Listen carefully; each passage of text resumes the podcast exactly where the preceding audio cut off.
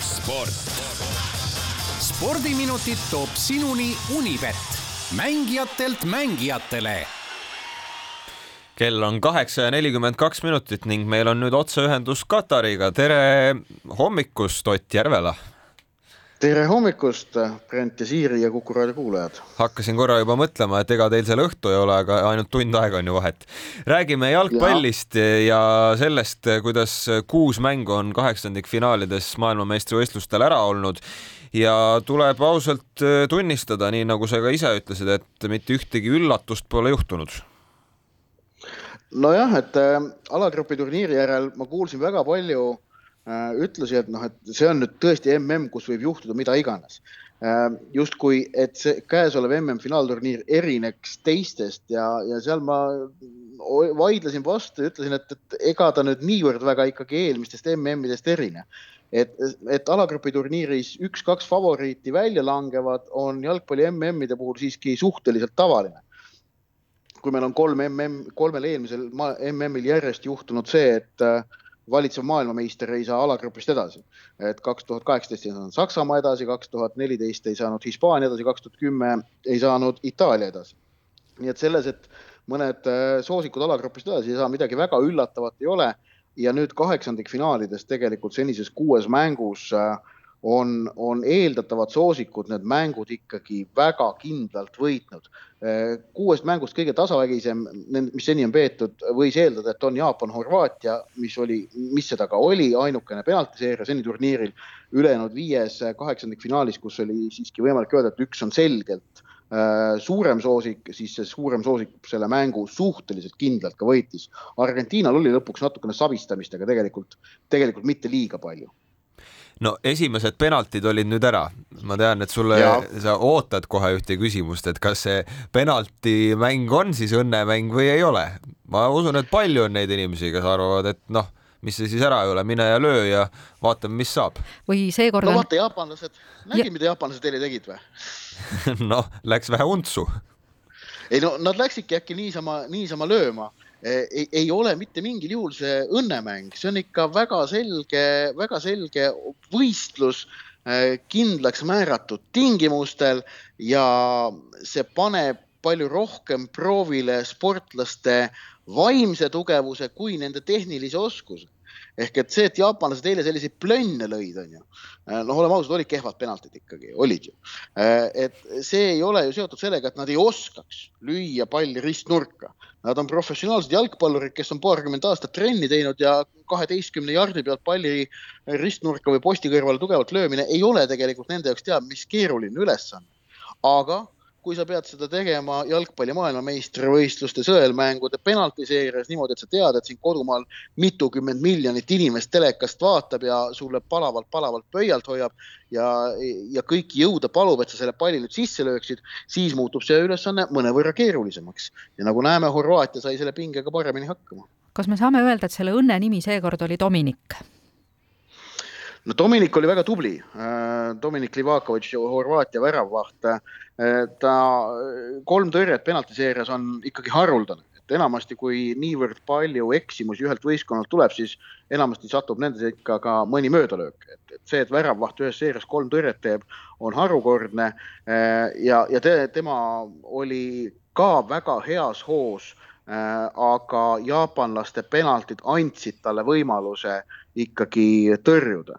et äh, vaata kunagi Šveitsi sõltumatutes laborites tehti kunagi uurimus, et äh, mitu aastat uuriti, et kuidas on kõige kindlam penaltist väravat lüüa ja, ja mitu aastat teadlased tegid katseid, analüüsisid, äh, noh, võrdlesid andmeid, jõudsid järeldusele, kõige kindlam viis penalti väravasse löömiseks on lüüa tugevasti ristnurka.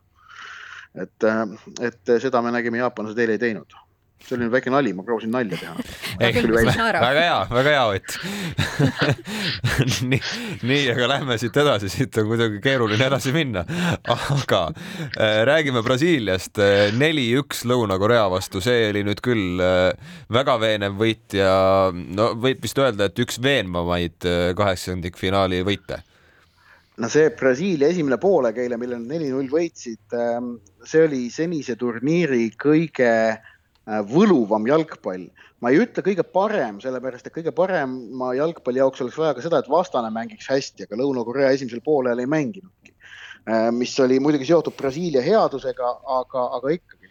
ja no see, kuidas Brasiilia väravaid tähistas, et ma, ma ausalt öeldes igatsesin seda, et Aafrika meeskonnad tähistaksid väravaid nii, nagu me oleme harjunud neid nägema, et, et noh, tantsu ja, tantsu ja kõik, kõige muu sinna juurde kuuluv, aga ka Aafrika koondised sellele MM-il seda kõike millegipärast ei pakkunud. nüüd, nüüd Brasiilia käest saime, saime selle nähtuse ka ära ja, ja noh, ikkagi tõeline tantsud tähtedega seal käis esimesel poolel, oleme ausad mis sa arvad, kas need tantsud tähtedega järgmised seeriad saavad ka jätku siin äh, näiteks veerandfinaalis? no veerandfinaalis Horvaatia vastu on Brasiilia väga, väga selge soosik, aga ma ei usu mitte kopika eestki, et Horvaatia tuleb mängima sama, sama naiivse mänguplaaniga, nagu tegelikult Lõuna-Korea eile väljakule tuli. et Brasiilia vastu ennast kohe kohtumise alguses äh, väga ründava hoiakuga haavatavaks jätta oli minu jaoks Lõuna-Korea poolt ikkagi vägagi üllatav avantüür, et miks nad sellise hoiaku valisid.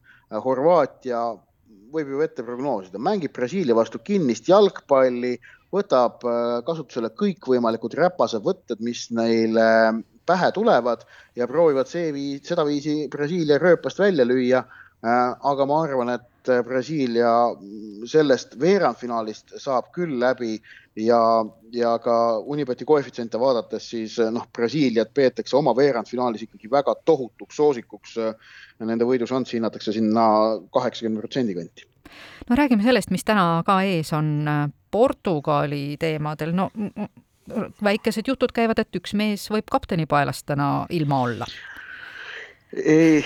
ja mida see mõju, muudaks või mõjutaks? Cristiano Ronaldo enesehinnangut jah, ainult seda ilmselt no,.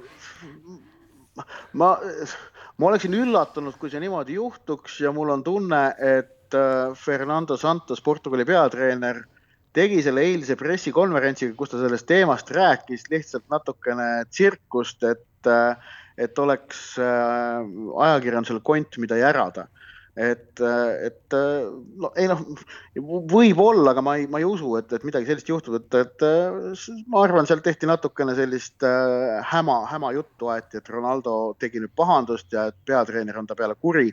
Äh, kui seal tegelikult mingi jama oleks, siis oleks, siis sellest, seda ma arvan, niivõrd avalikult poleks arutatud, et äkki oli see praegu see, et, et pressikonverentsil aeti sellist nagu kurja juttu ja siis pärast omavahel idistati pihku, et näete, mis jura me neile, neile ajasime, kõik kirjutavad, kogu maailm on nüüd usub ka veel ha,, ha-ha-ihihi.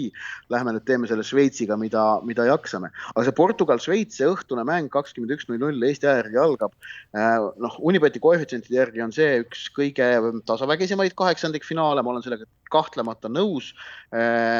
Portugal on tehtud selles mängus kergeks soosikuks, selline kuuskümmend, nelikümmend. ma nägin ise oma silmaga, kuidas Šveits Serbia vastu väga targa jalgpalliga alagrupiturniiri viimases voorus võidu võttis ja, ja edasi pääses.